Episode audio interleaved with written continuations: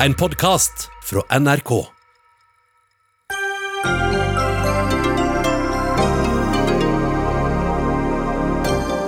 Regjeringen vurderer endringer i fraværsgrensen ved skolene, men de er for sent ute og skaper unødig stress rundt skolestart, mener SV. Idretten tar ikke godt nok vare på toppidrettsutøvere når karrieren er over, sier tidligere fotballproff. Vi har gode tiltak, svarer toppidrettssjefen. Historiske begivenheter på gang i Hviterussland. Opposisjonen sier de er klare til å ta over for Europas siste diktator. Og arbeidsgiverorganisasjonen Spekter advarer mot hjemmekontortrend på fredager og mandager. Mistenkeliggjøring av ansatte, hevder kommentator.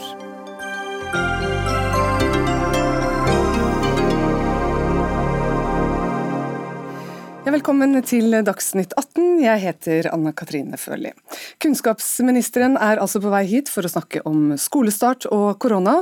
Men først begynner vi med at Politiets sikkerhetstjeneste, PST, nå har pågrepet en mann siktet for spionasje og deling av statshemmeligheter. Mannen blir nå varetektsfengslet i fire uker og ilegges brev- og besøksforbud samt to uker i full isolasjon. Og reporter Sverre Holm Nilsen, du har vært i tingretten og fulgt denne saken i dag. Hva vet vi om eh, mannen? Eh, det vi vet er at det er en norsk statsborger i 50-åra. Eh, han bor her på østlandsområdet, og han jobber i Det Norske Veritas. Det bekrefter da selskapet, eller det bekrefter Norske Veritas overfor oss. Men nøyaktig hva han har jobbet med der, har de ikke villet kommentere helt ennå. Nei, Blir det sagt noe om hva han skal ha gjort? Altså Det PST sier, da, det mener at det, er, her er en veldig alvorlig sak. og Han har da avslørt sensitiv informasjon med det PST mener er en russisk etterretningsoffiser. Um, og Mannen har jo da i avhør erkjent å ha mottatt penger for informasjon. Altså Han har solgt informasjon, men nekter for at det her er da sensitiv informasjon, slik PST hevder. Uh, han ble jo pågrepet på lørdag. Da ble han pågrepet i en politiaksjon hvor PST da gikk til pågripelse. Og Under det møtet så var det også en russisk etterretningsoffiser. Hva sier forsvareren hans nå om det som skjer? Nei, altså Forsvarer sier jo at han, han nekter straffskyld, og, og han, jo, han mente jo heller ikke at han skulle varetektsfengsles. Eh, han ønsker å samarbeide med, med PC i etterforskningen, og han har jo da allerede erkjent og mottatt penger men Fra russisk, en russisk etterretningsagent? Ja, han, han, jeg kjenner han mottatt penger for informasjon, men som sagt, han benekter at det her er sensitiv informasjon, eh, slik som PST da hevder. Da, og da han sikta, De har jo sikta han for et eh, altså, Han risikerer jo 15 års fengsel. Det er en veldig høy strafferamme på den siktelsen han har mottatt. Vi følger denne saken her i NRK utover dagen. Det blir mer i Dagsrevyen på NRK1 klokka 19. Takk skal du ha, Sverre Holm Nilsen. Da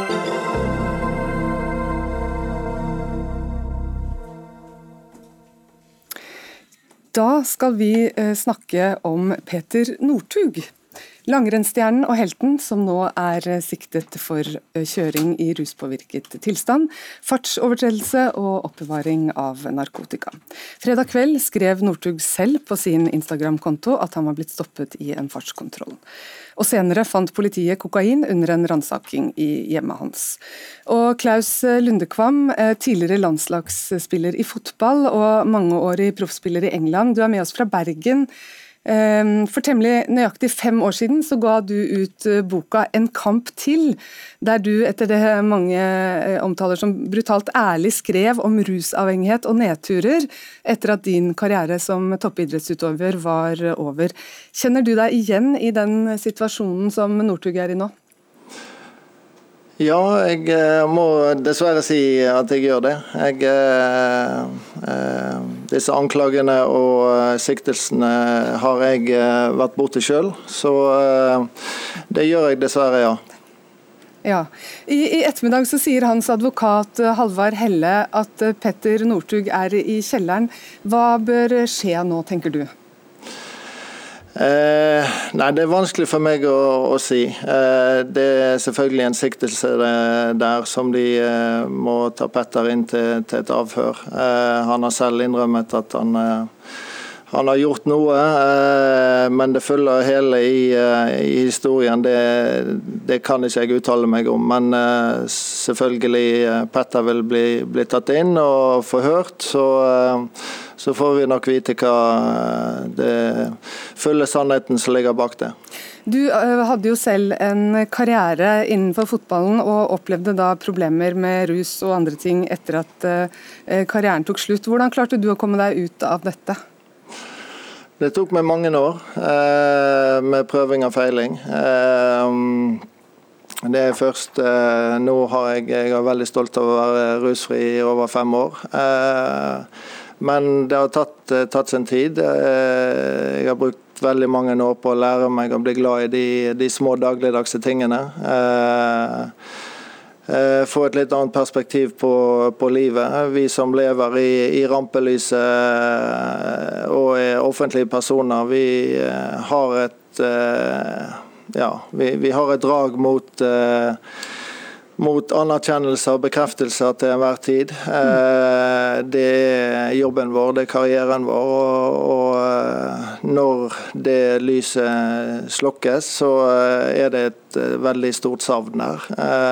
Ikke minst savn av det sosiale, garderoben for meg i Pettersen eh, situasjon, selvfølgelig lagkameratene i, i uh, Skiforbundet og, og, mm. og, landslaget og sånne ting. Og det, det, skal vi ikke kimse av, for det er noe av det, det viktigste vi har i, i idretten. Mm. Det er det felles, fellesskapet. Og Når det blir borte, så skaper det problemer. Vi har med oss toppidrettssjefen i Norges idrettsforbund her, Lunde Kvam. Hva er ditt inntrykk av eh, hjelpeapparatet for toppidrettsutøvere når eh, karrieren eh, tar slutt? Ja, vi tenker jo litt... Nei, unnskyld, det var til Lundekvam først. Unnskyld. Bare få høre hva, han hadde, hva, hva, hva, slags inntrykk han har. Da må du stille spørsmål en gang til, ja. er du snill. Hva slags inntrykk har du av at eh, hjelpeapparatet for uh, toppidrettsutøvere, hva, hva er ditt inntrykk av hvor godt det er når karrieren tar slutt? Eh, først og fremst er det blitt mye, mye bedre. Eh, det er blitt tatt på alvor eh, i en mye høyere skala enn det har vært noensinne. Eh, Eh, i, i, min tid, når jeg la opp og gjennom min fotballkarriere i England, så eh, så jeg at det apparatet i etterkant av endt karriere var, eh, var veldig dårlig. Det var ja, omtrent ingen tilrettelagt ja, system eller Eh, for en utøver som, som, som la opp. Og det, det, var trist å se. og Veldig mange eh, syns det, det, var tøft å, å, legge opp, om det var gjennom skade eller eh, en planlagt eh, eh, affære. det ja, det, det, er litt det samme. fordi at det som, det som, slår deg, det er du liksom ikke forberedt på. Så, Nei, da, ja. ja. skjønner. Tore Øvrebø, toppidrett. Da går vi til deg. Toppidrettssjef i Norges idrettsforbund. Du og dine folk har jo tett kontakt med utøverne, men det blir sagt at oppfølgingen ikke er like god etter at karrieren er over. Hva sier du til det? Ja, Da vil jeg støtte meg på noe av det som Klaus sier. Altså, dette er jo en bevissthet som har vokst uh, etter hvert som det har vært mye toppidrett i Norge. Og Nå er vi jo så heldig stilt at det går veldig bra med norsk toppidrett. Det betyr at det er mange utøvere som både gjør det bra og blir veldig populære og holder på lenge. Og Dermed så får vi denne utfordringen at karrieren varer mye lenger enn den gjorde før. Og Profesjonaliteten i toppidretten gjør at det er mer noe som foregår hele døgnet og hele eh, året, enn mye mer sesongsvingninger eh, tidligere, og mye lettere å leve et liv parallelt. Hva slags tilbud har dere gitt til Petter Northug? Eh, det får Petter svare på. Petter har over lang tid eh, visst og har informasjon om at eh, han kan kontakte oss og dørene står åpne hvis han har hatt behov for det. Men vi, jo, vi tenker jo sånn at overlangs på dette. her. Vi, vi, ønsker jo at idretten skal foregå innenfor landslagsmodellen, hvor vi kan påvirke med både verdier og, og jobbe gjennom relasjoner på å ruste utøverne både underveis og dermed være mer klar for for livet etter karrieren. Så vi tenker på en måte ikke forebygging i den forstand. Vi ønsker rett og slett å utvikle mennesker som er i stand til å klare seg selv. Mm. Uavhengig om, og, og, For oss er det jo idretten som er arenaen, og det å utvikle menneskene som er det viktige. Så, mm. så, det å utvikle relasjoner, jobbe med verdier i landslagene, det er liksom vårt hovedvirkemiddel. Mm. Samtidig så har vi masse tiltak. Vi har eh, vi har, eh, vi har, avtaler med, med, opp mot 20 universiteter og høyskoler, og vi har trainee-ordninger, og vi tilbyr ganske mye eh, arbeid og forberedelse underveis i karrieren for at de skal være rusta for å gå over i over i en annet, annet liv etter de har slutta med idretten. Så vi er veldig obs på dette og jobber mye med det. Fanny Duckert, du er professor emeritus i psykologi ved Universitetet i Oslo. Eh, når en kjent person faller, gir det også plattform for en ny plattform, sier du til Dagbladet i dag. Hva legger du i det? Ja, altså Det er jo en del av livet med oppturer og nedturer. Og det er klart at det er flere veier ut her. Altså Når du har trådt feil og falt ut av en stjernerolle, så har du jo veier du kan gå. Et mulig scenario er jo da å legge seg veldig flat, be om unnskyldning, bli tilgitt, få en ny start på den måten. En annen vei ut er jo å, som typ full føniks, hvor du da tar et oppgjør med de problematiske sidene, fremstår som ren og uplettet på nytt og blir en ambassadør for et alternativ livsstil. Og ganske populært er jo da rollen som å bli selvterapeut eller rådgiver eller konsulent innenfor det samme feltet. Så, så det er flere muligheter. Hvorfor mener du, som du skriver, at vellykkede menn bryter regler oftere enn andre? Ja, Her snakker vi jo om eh, boblen, og det er maktboblen, det er frihetsboblen, det er at du er omgitt av folk som skal spille deg god. Du får lov til å utfolde deg, og du blir skjermet for dårlige konsekvenser. Og det er en del av selvbildet ditt at du står litt over vanlige regler og normer, og at du da slipper unna med å tøye grensene, eller til dels gå over grensene uten at det egentlig får så veldig store konsekvenser for deg.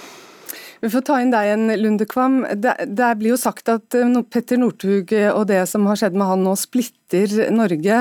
Noen sier vi behandler han som et offer, noen sier vi må heie på han. Det er veldig mange ulike meninger. Hva tenker du?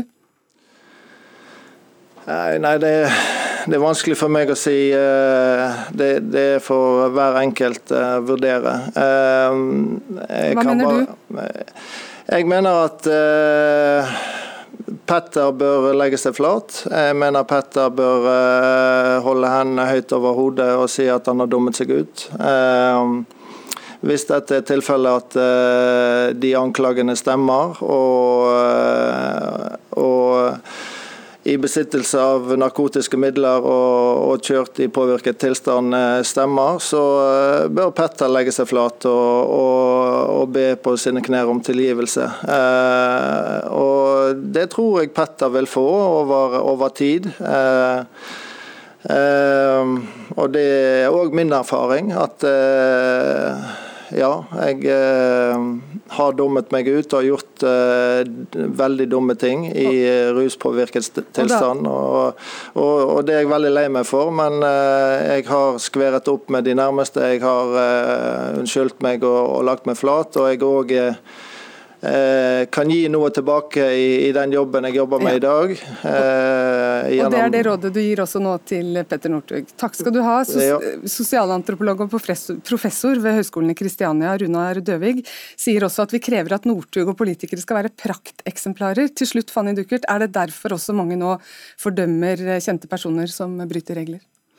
Ja, så Det kommer jo litt an på hva slags forhold man har til Northug i utgangspunktet. Om man er opptatt av at han skal representere det vellykkede, eller om han skal representere vi som våger mer, som ikke lar oss presse i samfunnets vanlige normer, som skal ut av jantelovens kveltak.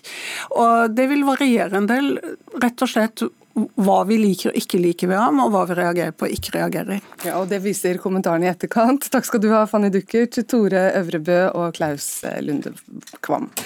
Men vi skal eh, fortsette å snakke eh, litt om reaksjonene etter eh, siktelsen mot Peter Northug. For også svenskene har kastet seg inn i debatten. Northugs popularitet er minst like stor i nabolandene. Men den svenske kommentatoren Anna Friberg skrev lørdag Nei, Norge, det er inte synd om Northug nu. Og det fikk deg til å reagere, Esten Hosæter, sportskommentator i Dagbladet, for du svarer Northug er fortsatt en god gutt. Hvorfor svarer du det? Ja, for Hun bruker jo uttrykket at han ikke er en god gutt. ikke sant? Eh, og Jeg tenker jo ikke spesielt på Northug, jeg tenker på oss alle sammen. Det er synd på oss når vi gjør gærne ting. Eh, vi må ikke miste medfølelsen med hverandre når vi faller. Eh, og Dette har ingenting med, med Northug å gjøre. Han er nødt til å gjøre sine oppgjør med seg selv, det er jo ingen tvil om det. Men det har noe med idrett å gjøre, sånn som ikke sakene hans egentlig har. Og det har noe å gjøre med en raus idrettsbevegelse som har plass til folk som detter. Men Har vi for lite rom i norsk idrett Nei, til folk har, som gjør feil? Vi har fin, fint rom i norsk idrett. Det går så bra som bare det. Alle er jo opptatt av hva kan vi gjøre for å, for å hjelpe Petter nå.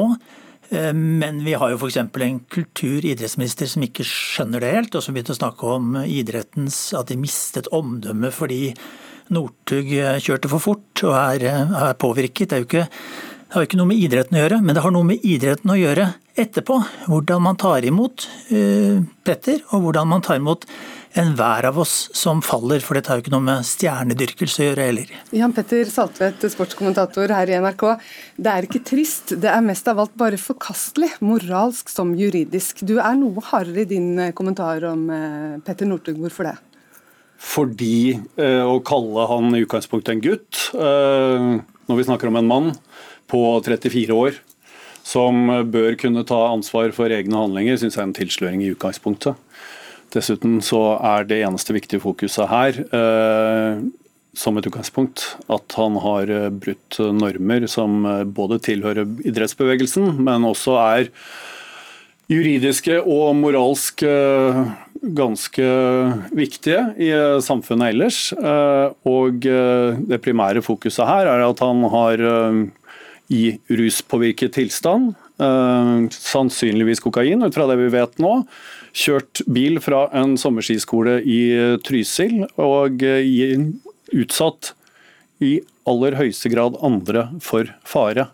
Én ting er hva han driver med selv, men eh, Petter Northugs primære fokus bør være å slutte å kjøre bil og utsette andre for fare når han, eh, når han eh, ruser seg. Og jeg må jo si, når det gjelder å få sjanser Jeg leste uh, ishockeyspiller Mats Roselli Olsen uh, på sosiale medier i dag uh, nevnte jo Sæter at du så seint som i 2016 mente at vi ikke kunne ha med tribunepøbel som hant VM etter at han hadde løpt eh, ut på en bane. Og, ja, nå, nå, er du på veien igjen. Nå er du på veien nei, men, ja, men Der jeg kommer fra, ja. Eh, så er vi kanskje gammeldagse. Men hvis du mener at å gå ut på en bane er uh, noe som ikke fortjener en ny sjanse, mens uh, dette er et tilfelle hvor vi skal uh, omfavne der, så men, må jeg si at dette lyder av opportunisme. Du, du, du er inne i en helt håpløs debatt, fordi det ene er snakk om noe som skjedde mens Sverige drev, hadde en sterk eh, kamp mot tribunevold.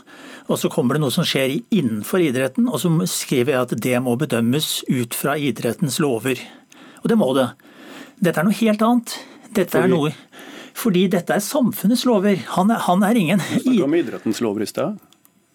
Eh, Northug er det, det, som skjedde på den veien, skal dømmes av samfunnet, og han skal få sin straff. Men det Saltvedt sier, er kanskje at du overser den siden av det? da, At han eh, nei, kjører fort, nei, nei, utsetter andre for fare? Nei, nei, nei overhodet ikke. Det er helt håpløst. Men vi må klare, det skjønner vi jo alle sammen, og så får vi håpe at han skjønner det. Det er jo det store spørsmålet. Men så må jo vi gå videre. Og så må vi se på hva, hvilke type fellesskap skal vi ha ønsker vi å ha fellesskap hvor det ikke er rom for tilgivelse. Og Det er det jeg er opptatt av.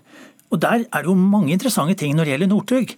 Det ene er jo f.eks. at eh, han vel, har jo valgt selv underveis å gå til dels ut av dette fellesskapet. Han har valgt å være en privatløper og har omgitt seg med ja-folk underveis og fått sine problemer på det. Det behøver ikke være grunnen, men jeg tror at det f.eks. svekker hans mulighet til å få den hjelpen i idretten som idretten har ønsket å gi han. Saltvedt, har, har, du ikke litt raushet overfor at dette har vært en vanskelig situasjon som Northug f.eks. har stått i, og se den siden av saken også? Northug har åpenbart sine problemer, og de ser veldig store ut, ut fra utsiden. Eh, jeg håper virkelig at eh, han blir tilbudt eh, all raushet og all som er betegnelsen du bruker, og alle muligheter til å få gjort noe med de problemene han åpenbart har.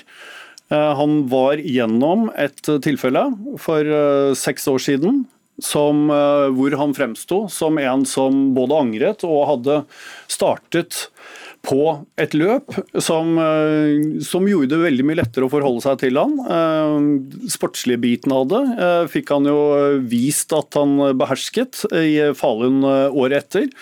Og da er jo veien tilbake til hjertene våre. Altså, vi klarer å tilgi noen som både har gjort feil, innrømt det og tatt sin straff. Men den erkjennelsen fremstår som ganske hul når vi ser eh, hva slags eh, opptreden han eh, nå har. Altså, det, det, blir så innmari enkelt. Ja, men Tenk i våre egne liv. Hvor mange ganger har ikke vi sagt at vi ønsker å forandre det ene eller det andre? Men vi, vi faller jo hele tiden, hver eneste en av oss. Og hvis vi skal sitte på sidelinja og være kjepphøye overfor noe som helt åpenbart er et digert fall.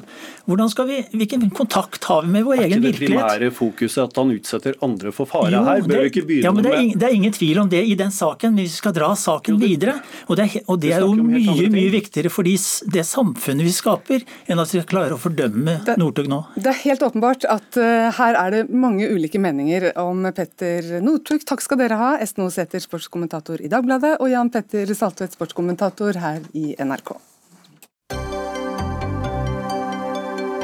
Hør Dagsnytt 18 når du vil. Radio NRK.no.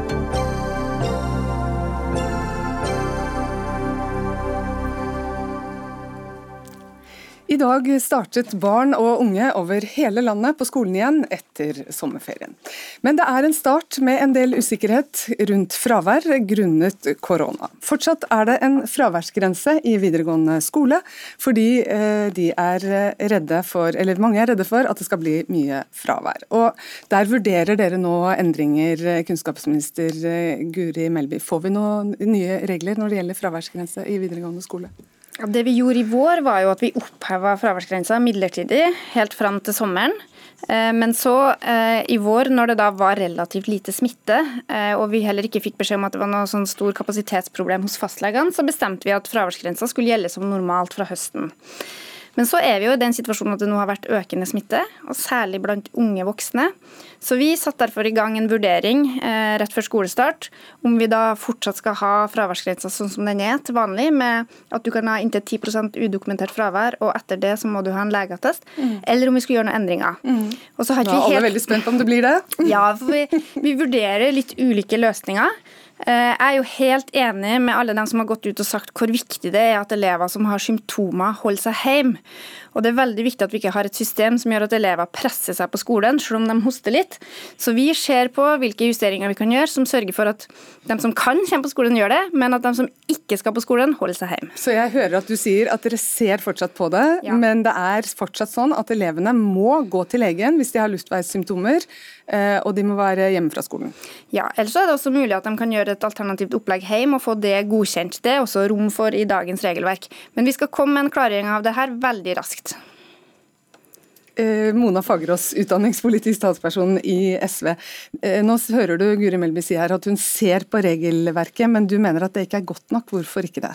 Nei, eh, jeg mener at ministeren setter norske elever i et voldsomt dilemma. For på den ene sida så har vi et regelverk, et, et smitteråd som sier at vi skal holde oss hjemme når vi er syke, mens jo fraværsgrensa egentlig sier det motsatte, nemlig at elever i videregående skole skal gå på skolen selv om de er litt syke. Og Vi er ikke tjent med den internasjonale pandemien som pågår nå, og som ministeren var inne på, også i det siste har ramma unge mennesker, at elevene skal gå småsyke på skolen. Fordi at det her blir for vanskelig å forholde seg til. Ikke bare for de 16-17-18-åringene det gjelder, men hva skal vi som foreldre råde ungene våre til? Skal, skal vi si til dem at de skal følge smittevernreglene, eller skal vi si til dem at nei, dere må gå på skolen fordi at det kan gå utover karakterene dine og vitnemålet ditt? Ja, Melby, hva skal vi si? Altså, det er sjelden jeg sier det her, men jeg er helt enig med Mona Fagerås. altså, eh, elevene skal følge smittevernreglene. Det er kjempeviktig. Og vi skal ikke ha et fraværsreglement som gjør det vanskelig for elevene å følge smittevernreglene. Og Nettopp derfor så ser vi på det her nå, og jeg lover at vi skal komme med en løsning i kort tid. Det er alltid best om vi har løsningene klare lenge før, men jeg tror vi dessverre må leve litt med at siden situasjonen endrer seg, så vil vi måtte justere regler fram og tilbake. Eh, hvis det skulle være noe sånn at smittetallene går veldig raskt ned igjen, så kan det godt hende at vi kan ha et vanlig fraværsreglement. Men når smittetallene er høyere, så må vi ha noen unntak. Så det ser vi på, og vi skal finne gode løsninger som gjør at syke elever holder seg hjemme. Hvilke konsekvenser frykter du at dette kan få? Nei, Jeg tror jo at norske elever allerede i dag har stått i, i et dilemma som, som, er veldig vanskelig for dem. Og det er jo ikke en overraskelse for noen at skolene starter i dag. Hei, alle landets skoler starter i dag, og det har ministeren visst ganske lenge, vil jeg tro, at skolene starta 17 august. Sånn at, at, at, det at hun ikke har hatt det her klart uh, Hun sto jo på en pressekonferanse forrige uke og, og snakka til, til, studentene. Da kunne hun samtidig hatt en klar beskjed til uh, Men Hvilke konsekvenser frykter du mest nå?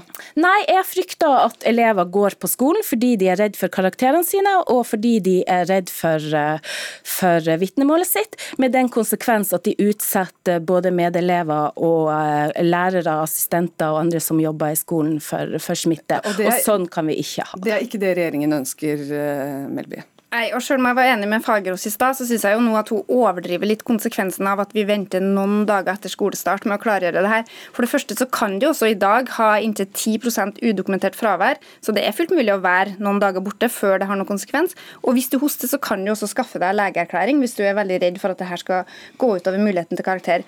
Men som sagt, det her ser vi på. Vi kommer med en løsning veldig raskt. Syke elever må være hjemme. De må være hjemme. Kristin Schulz, leder av Elevorganisasjonen, vi tar med deg inn eh, første skoledag er nå gjennomført. Er det opplagt for dere elever eh, når dere skal på skolen og når dere skal være hjemme?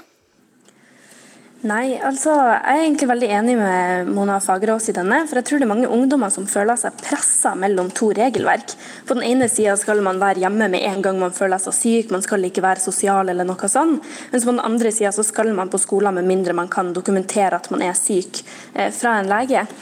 Men det vi syns er veldig fint etter den erfaringa vi har fra i vår, er jo at vi med muligheten for hjemmeundervisning mye lettere kan ha litt fleksible regelverk. Vi er mye mer rigga for å kunne følge opp elever hjemme. Og hvis man er frisk eller bare hoster litt, så kan man jo følge med på undervisninga hjemmefra via f.eks. Zoom, eller hvis man streamer undervisninga. Så det vi egentlig har erfart, er jo at man trenger ikke alltid å være fysisk til stede for å faktisk kunne lære noe. Eh, og så lenge vi har denne globale pandemien gående, så er det viktig at vi gjør alt i vår makt for å forhindre videre smitte. Så i første omgang så må vi gjøre det eh, åpne for at elevene kan på en lavterskel måte bli hjemme når man har symptomer. Eh, vi ser at det mest logiske da er at man åpner for at de kan sende inn egenmeldinger på sykefravær. Og så handler veien videre om hvordan skolen håndterer situasjonen deretter for å sikre at elevene får den undervisninga de har krav på. Så dere er fornøyd med nå at dere hører at det skal bli vurdert? Eh, vi blir fornøyd hvis de sier at de faktisk gjør noe med det. Eh, det haster jo absolutt. Som Mona sier, så er det jo nå elevene begynner på skolen. Det er nå usikkerheten oppstår, og vi trenger forutsigbarhet. Så Derfor håper vi at avgjørelsen kommer i de nærmeste dagene. Kommer den i de nærmeste dagene, Guri Melby? Ja, det kan jeg love. Og jeg er veldig glad for at eh, Elevorganisasjonen er fornøyd med det. Og så har jeg også lyst til å presisere at allerede med dagens regelverk så er det fullt mulig for en lærer å godkjenne hjemmearbeid som oppmøte. Så hvis en elev er nødt til å være hjemme fordi den hoster litt, så kan man fint gi den eleven hjemmearbeid. Jeg skjønner jo at det kan gi ekstraarbeid, men det er mulig å finne løsninger på det også innenfor dagens regelverk. Eh, Mona Fagerås, dere ønsker også ifølge Dagsavisen at elever må garanteres hurtig testing, og at karantenedagene ikke inngår i, i um, fraværsgrensa? Ja, jeg syns jo det er, er, soleklart. fordi at uh, I de små fagene så får det enorme konsekvenser hvis du er borte f.eks. tre dobbelttimer i, i, de fagene som er, er, få timer per uke. Så, så risikerer du altså å miste karakteren din. Og, og jeg er overraska over at ministeren, som var så handlekraftig når hun få dager etter at hun ble minister, ikke har hatt dette klart til, til skolestart. Du må svare på testing også, Melby. Altså, Hvem som skal prioriteres på testing, er det vel egentlig helsemyndighetene som eh, gjør. Eh, jeg er jo enig i at både de som jobber i skolen og også elever bør testes, og kommunene håper jeg jo har testkapasitet til å teste dem som trenger det. Eh, og Selvsagt ønsker vi å være handlekraftige, og vi vil gjerne ha løsningene klar, men jeg mener at det også er viktig at vi noen gang ha litt is i magen for å se an situasjonen. Jeg mener fraværsgrensa er riktig. Den har ført til at flere elever er mer på skolen og er sånn sett en suksess. Og det er ingen grunn til å legge bort det regelverket dersom det ikke er behov. Så jeg mener det var riktig å vente til det faktisk er et behov. Og i den situasjonen her så tror jeg vi kommer til å se at gjennom hele det neste skoleåret så vil det være noen regler som, som må justeres underveis. Det både håper jeg og tror jeg at både lærere, elever og andre ansatte, også foreldre, er forberedt på. Mm. Margrethe Greve Isdal, du er overlege i Folkehelseinstituttet. Dere er også bekymret for dette med fraværsgrensen. Hvorfor er dere det? Nei, Det er egentlig sånn som det er blitt sagt her allerede, at det skal ikke være noe som hindrer eh, elevene i å være hjemme eh, hvis de har milde symptomer. For Vår oppfordring er jo at man skal ta milde symptomer også på alvor, og at man må holde seg hjemme for å holde andre friske, fordi at symptomene på covid-19 er vanskelig å skille fra andre. Mm. Så det er det som, eh, som, teller mest nå. Og Så til det spørsmålet da, Greve Isdal, som skaper mest forvirring rundt barn og smitte om dagen. Hva vet dere nå om hvorvidt barn smitter voksne, og dermed bidrar til smitten i samfunnet. Ja. Altså, først vil jeg si at uh, Vi følger med på alt som kommer av ny kunnskap, og prøver å holde uh, oversikten over alt det ulike som kommer. og Våre råd baserer seg jo på den samlete kunnskapen som kommer, og ikke enkeltstudier. Uh, og Den samlete kunnskapen og det nye som har kommet til i det siste, bekrefter egentlig det vi har sagt tidligere. og At barn har liten rolle i smittespredning. De blir syke, og de kan smitte andre, men det er sjeldnere enn voksne. Og de ser ikke ut til å ha en vesentlig rolle i smittespredningen. Det er ikke de som driver pandemien fremover, i motsetning til f.eks. influensa. Og Jeg forstår at det kanskje av og til kan virke litt eh, uklart, men vi vet jo at ulike virussykdommer rammer i ulike aldre. Så det er det vi har av, eh, av kunnskap nå. Og det tenker jeg også at det, det som også bekrefter det at vi har sett tilfeller i skolen i Norge og i andre land, men vi har veldig få utbrudd. Mm. sånn at det bekrefter det. Og I Sverige har de også sett på lærere som yrkesgrupper og sett at de ikke blir mer syke enn andre yrkesgrupper. Så det er på en måte det samme. Så mm. Skole reflekterer situasjonen du har i samfunnet. og Derfor mm. er det utrolig viktig at vi andre vi må sørge for at vi gjør våre, følger smittevernrådene og gjør det vi kan for at vi skal holde eh, smitten nede, sånn at skolene skal kunne fungere. Det er mm. liksom den eh, flokk, flokkbeskyttelsen vi må ha igjen, da. Mm. mm. For Espen Nakstad i Helsedirektoratet viste jo i VG til en fersk rapport fra ECDC eh, om mm. at barn er like smittsomme som voksne. Mm. Ja, Den er nok litt feil gjengitt, rett og slett. Eh, den ECDC-rapporten sier ikke det som står der. Den sier at barn ikke har en viktig rolle. Den ene rapporten der som tyder på at barn som er syke, kan ha like mye virus som voksne, det er barn med symptomer. sånn at Det viktigste rådet igjen da er at de som har symptomer, skal holde seg hjemme, for de kan smitte. Og så har vi fortsatt litt uavklarte ting rundt hvordan det er med asymptomatiske barn. Altså de som ikke har symptomer, om de kan smitte, og i hvilken grad det skjer. Så det vet vi ikke helt ennå? Nei. Kan det bli en endring i hvorvidt barn bør testes ved covid-19-smitte? Vi mener jo at barn med symptomer bør testes, eh, sånn at man får avklart det fort. og Det er viktig for alle kommuner å bygge opp den testkapasiteten, sånn at de har anledning til å teste alle de som trenger det. Så er det mange som er opptatt av dette da med omsorgsdager. Hvis vi skal ta på alvor det dere sier, så blir det en del eh, hjemmedager både for barn og foreldre. Og fra 1.7 så har myndighetene da nullstilt antall eh, dager. Det betyr ti dager per barn. Eh, dere mener også da i Folkehelseinstituttet at det kan bli behov for flere omsorgsdager. Mm.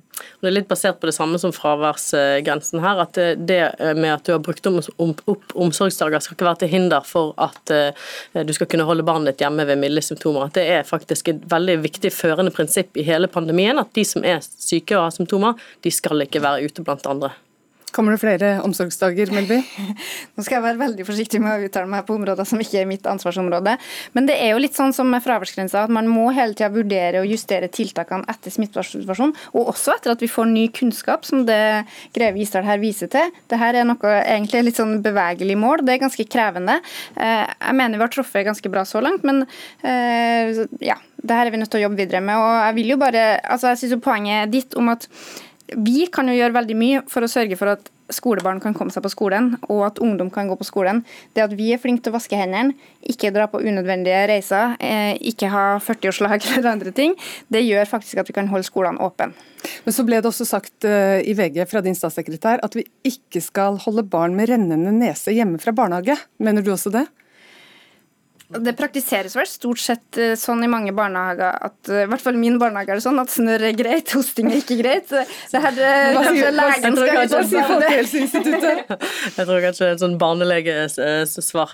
Men jeg tror hvis altså, alle treåringer med snørr er hjemme, så blir det få i barnehagen. Det, det blir det ingen i barnehagen, rett og slett. Så det er litt det med at man skal være veldig obs på nyoppståtte symptomer, alt som på en måte er litt utenfor normalen. Men eh, mange barn har jo to sånne grønne striper under nesen hele barndommen, og de skal få lov til å gå på barnehagen, de også altså. Tusen takk skal du ha, Margrethe Greve Isdal, overlege Folkehelseinstituttet, Mona Fagerås, utdanningspolitisk statsperson i SV, kunnskapsminister Guri Melby og Kristin Schultz, leder i Elevorganisasjonen.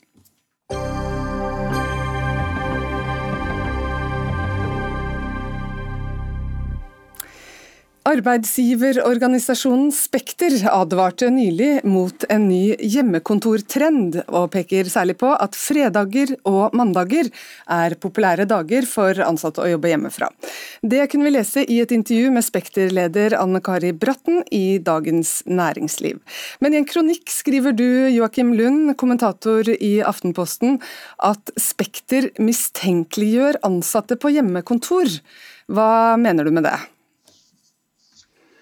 Ja, det er jo ikke den første gangen at eh, Spekter-sjefen uttaler seg om hjemmekontor eh, denne sommeren. Hun skrev en kronikk i Dagens Næringsliv eh, litt tidligere i sommer. Og I begge de tilfellene så har hun uttalt seg eh, ensidig negativt om eh, hjemmekontor. Og i begge tilfellene har hun også uttalt seg veldig anekdotisk og uten å forholde seg til eh, forskning og, og, ny kunnskap eh, om det. Så hvis man da ser til forskningen, så ser man at eh, hun har for rett i at eh, det ikke er et ensidig positivt bilde. Det finnes problemer med hjemmekontor, og mange savner å ha kolleger og et miljø å gå. Men en oppdager også at det er veldig mange positive sider med hjemmekontor. Folk jobber ikke mindre, de jobber mer. Produktiviteten går ikke ned. Og mange opplever at det gir en økt fleksibilitet som de ikke hadde før. Ja, Gunnar Larsen, direktør for kommunikasjon og sektorpolitikk hos nettopp eh, arbeidsgiverforeningen Spekter. Er du enig i det Lund sier her, at dere bidrar eh, til å mistenkeliggjøre ansatte på hjemmekontor ved at dere bare tar med de negative sidene? Nei, og jeg syns ikke vi tar med bare de negative sidene heller. Og for det første, det å advare mot en trend som ble introduksjon til denne debatten, eh, skyldes nok litt at eh, desken på DN og Dagens Næringsliv hadde tatt litt mye Møllers tran. Hvis du leser intervjuet, så eh, uttaler ikke vi oss noe om at det er en trend, men det er et spørsmål om det er noen dager som utpeker seg mer, som mer populære hjemmekontordager. Og da har vi fått tilbakemelding fra noen av medlemmene våre at det er særlig mandag og fredag. Ellers så uttaler vi oss eh, i forhold til det anbefalingen, rådet som kom fra myndighetene om å redusere eh, pågangen på kollektivtrafikk i rushtiden med 50 eh, Så er det et moment der at skal man klare det, så kan ikke alle bare være på hjemmekontor mandag, fredag og på jobb de andre dagene. Men det var vel ikke, Nei, men det var vel ikke desken i Dagens Næringsliv som, som to, nevnte fredag og mandag som spesielt populære hjemmekontordager? Det var vel dere? Ja, på nettopp spørsmålet om det er noen dager som utkrystalliserer seg. og Da har vi fått tilbakemelding fra en del av medlemmene våre på at eh, særlig mandag og fredag er, eh, er dager som er ønska å ha hjemmekontor. Men så er det jo da viktig, som det også fremgår i det intervjuet, at her er det viktig at ledelsen og de ansatte finner gode løsninger. Det sier også nestleder i LO, Peggy Føysen Høysvik, i samme intervju, at her finner man gode, gode ordninger lokalt på arbeidsplassen. Men så syns jeg jo at Lund eh, trekker det veldig langt. og I denne kronikken han hadde på, i Aftenposten i forrige uke, hvor vel overskriften er 'Fakta biter ikke på Spekter-sjefen'. og Han sier at det er mye fakta her. sånn, Ja, vi også har sett gjennom en fakta. og så er Det jo, det er jo ikke noe svart-hvitt svart og mye, mye uavklart fortsatt. Men vi ser jo noen tendenser. Det er gjennomført mange undersøkelser, spørreundersøkelser under koronatiden. Bl.a. Opinion og Fafo, som har eh, sett på at, eh, at videomøter 40% svarer at de opplever de som dårligere, 10% sier at det er bedre, 50 omtrent det samme.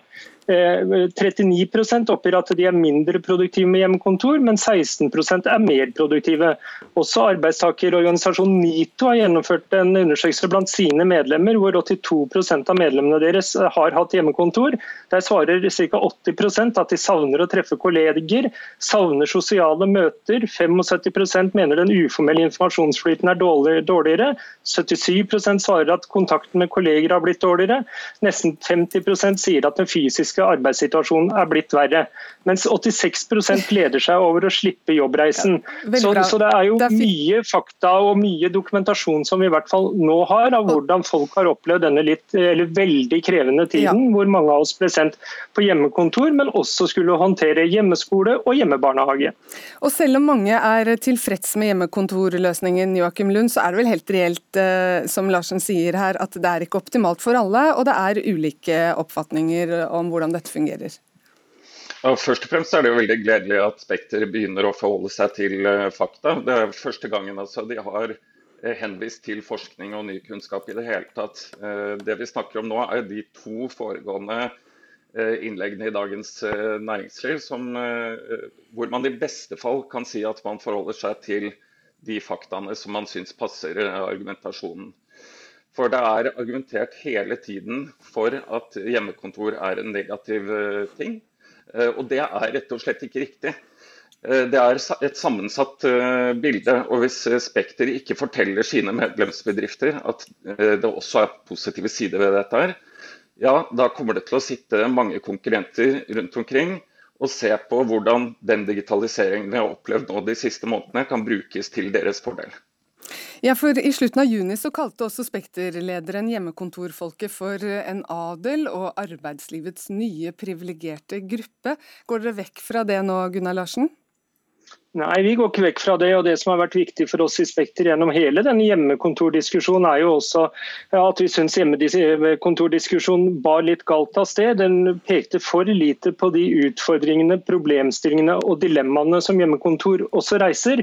Og Det er ikke tvil om at det har vært mye positivt som har skjedd med hjemmekontor. og Vi eh, kommer til å ha mye erfaring, og det skjer mye innovasjon og utvikling på det.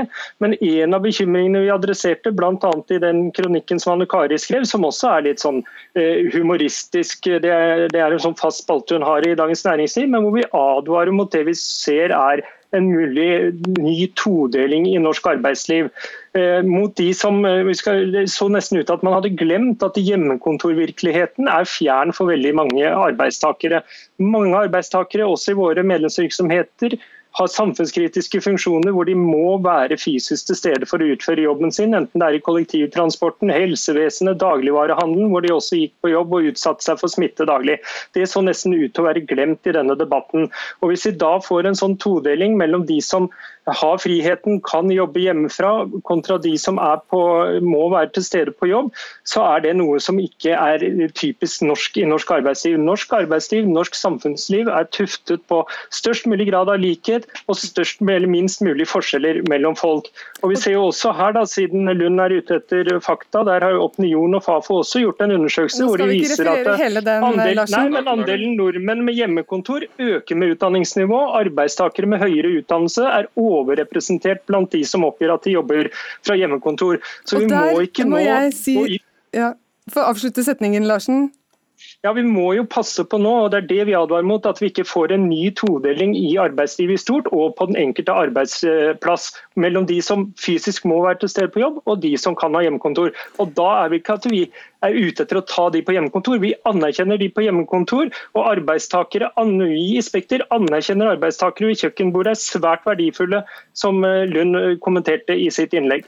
Tusen takk skal dere ha, Gunnar Larsen i Arbeidsgiverforeningen Spekter og Joakim Lund, kommentator i Aftenposten. Og etter helsemyndighetenes anbefalinger så blir det aktuelt med hjemmekontor ut hele året.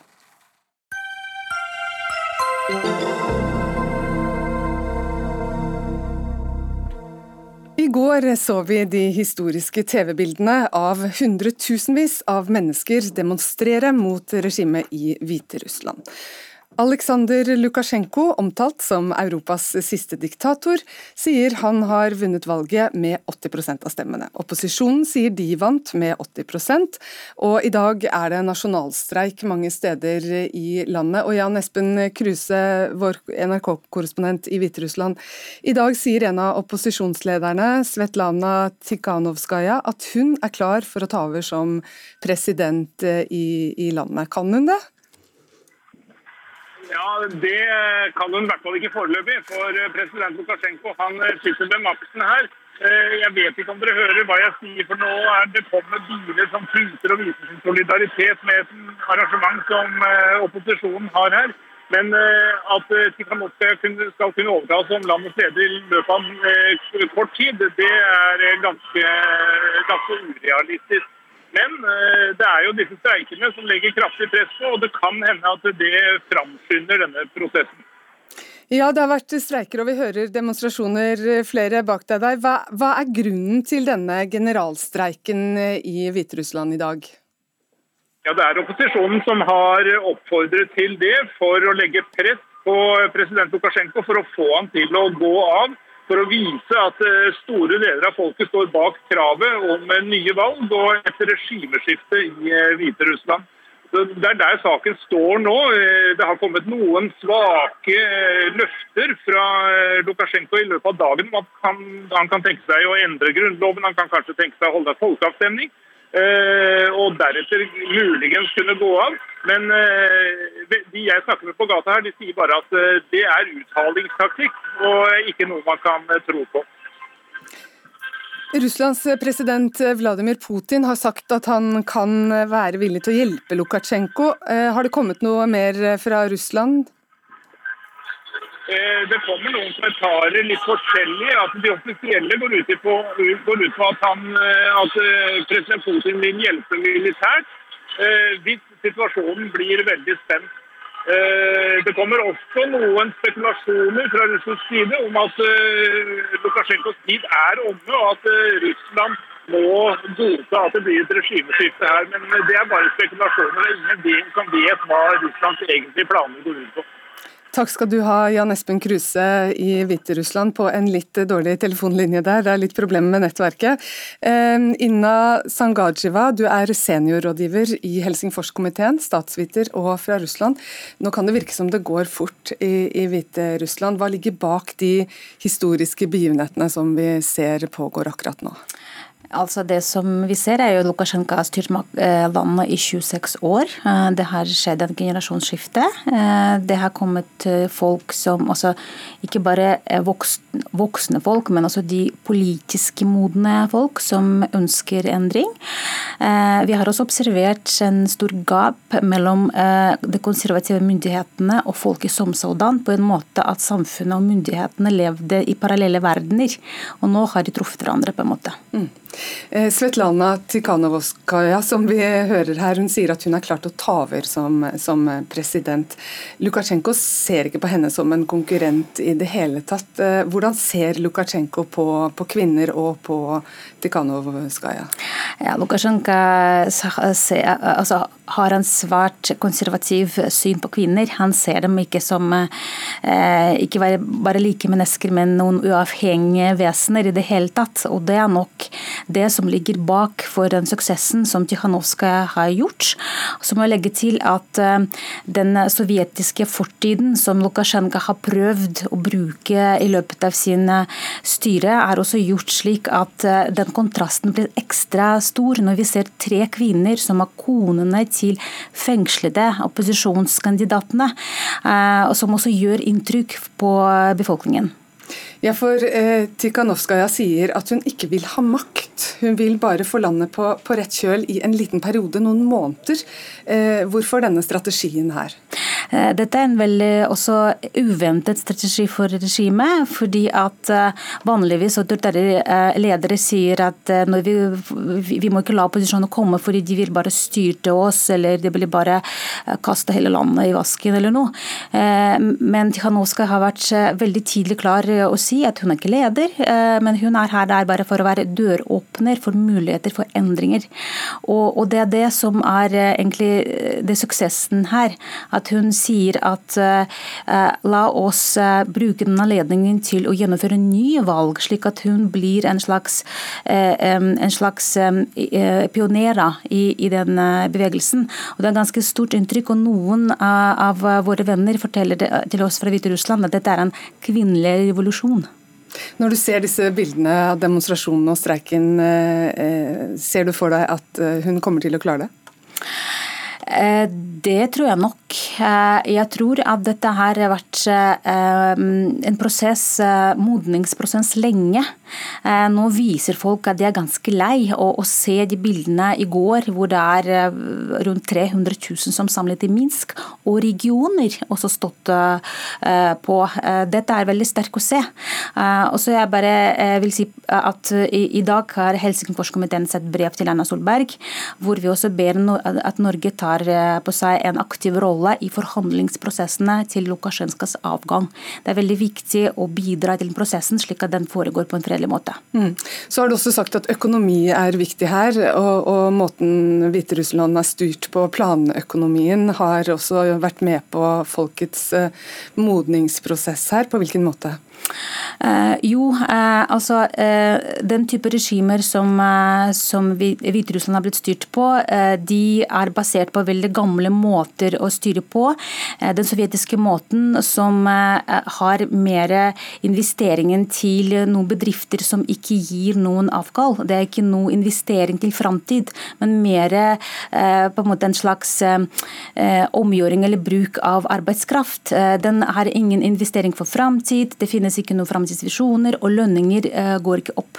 Og, og og det er det den nye generasjonen som har eh, oppdaget. Og så har Lukasjenko heller ikke anerkjent koronaviruset som et problem. Har det vært med på å øke oppslutningen rundt opposisjonen? Absolutt. Eh, jeg tror at eh, koronaviruset var den pådriver som faktisk fått den kjernevelgere til Lukasjenko til å bytte siden. At nå har de sett at den virkeligheten på TV og virkeligheten i deres liv, at myndighetene rett og slett gir blaffen i deres helse det har vært eh, egentlig pådriv til denne eh, prosessen.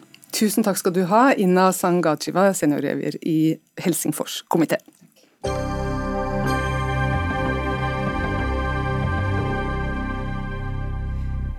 Under torsdagens partilederdebatt i forrige uke her på NRK1 sa Senterpartileder Trygve Slagsvold Vedum at staten må sørge for at nordmenn får vaksine i kampen mot covid-19.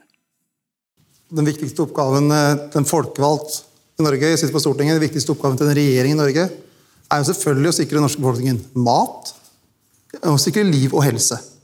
Og da, Hvis det kommer en vaksine, så må jo vi sikre at vi får vaksine til våre unge, til våre gamle, til våre nøkkelpersonell. Det er jo en selvfølge. Norge først?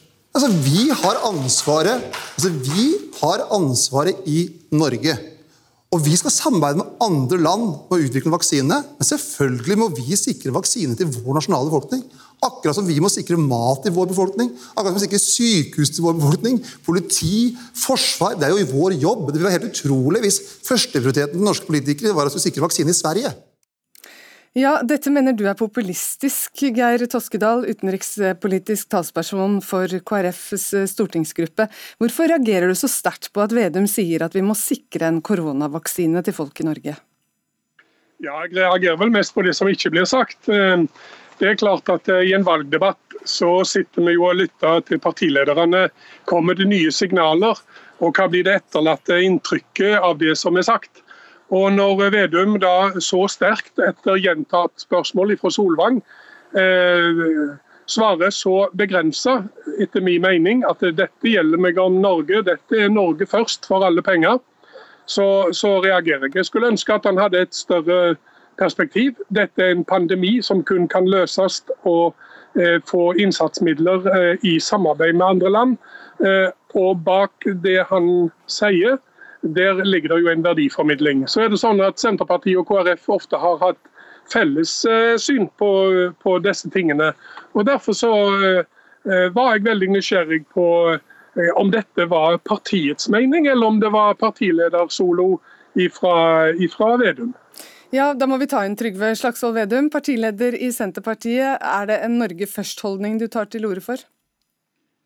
Det jeg tar til orde for er jo noe av det mest selvfølgelige av alt. At norske politikere vi har jo ansvar for å sikre mat, helse, sykehus, politi, vaksiner til vår befolkning. og det, det burde være en selvfølge. Og så har vi samtidig et stort internasjonalt engasjement. At vi er en internasjonal vaksineallianse, prøver å få ned de internasjonale vaksineprisene. Har en solidarisk tenkning. men men det er jo så på alle politikkområder. Altså vi, først så sikrer vi at vi har sykehus i Norge før vi begynner å bygge sykehus i andre land. Først så sier vi at vi har mat til vår egen befolkning før vi begynner bistandsprosjekter til andre land. Og, og det, er jo, det, er jo, norsk tradisjon, men vi har heldigvis da, hatt en tanke om at vi skal sikre vår egen beredskap. Samtidig som vi har hatt en bistandstradisjon i Norge der vi har sett andre land og der vi har ønska å bidra internasjonalt. og den kombinasjonen har vært et gode. Men jeg syns det er litt rart at Toskedal og Kristelig Folkeparti skal reagere på at de er så tydelige på vår egen evne til å ta vare på de mest sårbare gruppene. For det er de mest sårbare gruppene, de eldste og deler av de yngste, som har blitt rammet hardest av koronasituasjonen og den isolasjonen som mange må gå inn i pga. at det er eh, fare for dems liv og helse. Ja, men Hvorfor har du behov for å, å, snakke om å få en vaksine så tidlig som mulig, når du vet at Norges behov allerede er dekket gjennom det samarbeidet vi har i EØS-avtalen og, og, vaksinesamarbeidet? Vi ble jo utfordra direkte. og noe av det som har eh, vært vondest etter den koronavåren vi var igjennom, var alle de eldre som satt alene på mange sykehjem. Mange måtte også dø alene. Og så kom det en eh, rapport fra fylkesmennene i vår som viste at mange av de mest sårbare barna var de som hadde mest problemer eh, på skolen. Så det vi har sett eh, i etterkant av koronaen, og koronaen akkurat nå, det er ikke sånne som meg som er midt i livet, som har god helse, som er rammet hardest. Det er de eldste og de mest sårbare unge. Og, og da, mener, da, er jeg helt tydelig på det, at da mener jeg det er veldig viktig at vi får en vaksine så fort som mulig, som gjør at livet blir så normalt som mulig for flest for flest, at de, ikke minst de sårbare gruppene kan være mer en del av samfunnslivet. Og så er det viktig at nøkkelpersonell, sånn som leger, sykepleier, politi, andre som har viktige roller for at samfunnet skal gå rundt, får en vaksine så fort som mulig, sånn at det norske samfunnet fungerer. Og Det mener jeg er min plikt da, som norsk folkevalgt, som er valgt av folk i Norge, å bidra til å sikre. Ja, Toskedal, Vedum presiserer det her. Han presiserte det også under debatten at en vaksine til nordmenn ikke skal gå på bekostning av andre, og at vi hjelper til med vaksineprogram. Har du tolket Vedum her i verste mening, rett og slett? Nei, men det er klart at når en partileder snakker, så blir det et etterlatt inntrykk. Og Når Solvang da gjentar spørsmålet, og vi får eh, stort sett det som blir oppfatta eh, av meg og andre, at Eh, her er det Norge først, fordi at vi snakker jo om både medisiner, vi snakker om vaksine og vi snakker om et eh, koronaepidemi. Der vi som i Norge, som et rikt, ressurssterkt land, eh, på mange måter ser ut til å ha kontroll, også med forsyningene. Så vet vi jo at det som er et uhell, det som er et problem i Norge, er jo en katastrofe i andre land. Og at en da i en partiledersammenheng kan stå og utelate det det var det vi i KrF reagerte på, fordi at eh, det er en verdiformidling i det vi snakker om. Pandemien kan ikke begrenses til de norske grensene. Det må kun leses i internasjonalt samarbeid. og da er det en selvfølge det som eh, eh Trygve sier nå. Men eh, under partilederdebatten så syns jeg at det etterlatte inntrykket ble at eh, vi skulle trekke inn årene og passe på oss sjøl først. Vedum. Ja, men eh, Toskedal eh, har nok hatt litt vrangsida til da, sist han har sett, partilederdebatten. Men så var var jo litt kritisk til regjeringa i debatten også fordi at man ikke hadde hatt nok kjøpte nok munnbind. Vi, vi var ikke godt nok rusta som samfunn før koronaen kom. Og da mener jeg at Vi må jo ta lærdom av det som norske politikere. F.eks. at vi må ha bedre beredskapslager på munnbind, medisinsk ja, skuter. Senterpartiet mener også på mat. Nei, men Toskedal er jo representant for regjeringa. Men Toskedal kan, kan svare på det. Og så mener jeg også Unnskyld, hvis han skal få ordet. Skulle Toskedal ha ordet? Toskedal, vil du svare Nei. på det? Kritikken om, eh, om, mot regjeringen i forhold til munnbind eh, med mere? Det ble nettopp løst ved internasjonalt samarbeid. EU-kommisjonen gjorde om vedtakene. Norge fikk lastebiler, vi fikk utstyr. Vi fikk det på plass nettopp pga. internasjonalt samarbeid. Og Det er jo det som er mitt poeng eh, og vårt poeng i dette, og vi har reagert på dette. Det at det kun kan løses ved eh, et multilateralt samarbeid. Og der fikk, eh, du, ja, der fikk du siste ord, Geir Toskedal. Takk skal du ha. Og Trygve Slagsvold Vedum. Denne Dagsnytt 18-sendingen eh, er slutt. Ansvarlig for innholdet var Jarand Ree Mikkelsen. Teknisk ansvarlig Lisbeth Sellreite. Og i studio Anne Katrine Førli.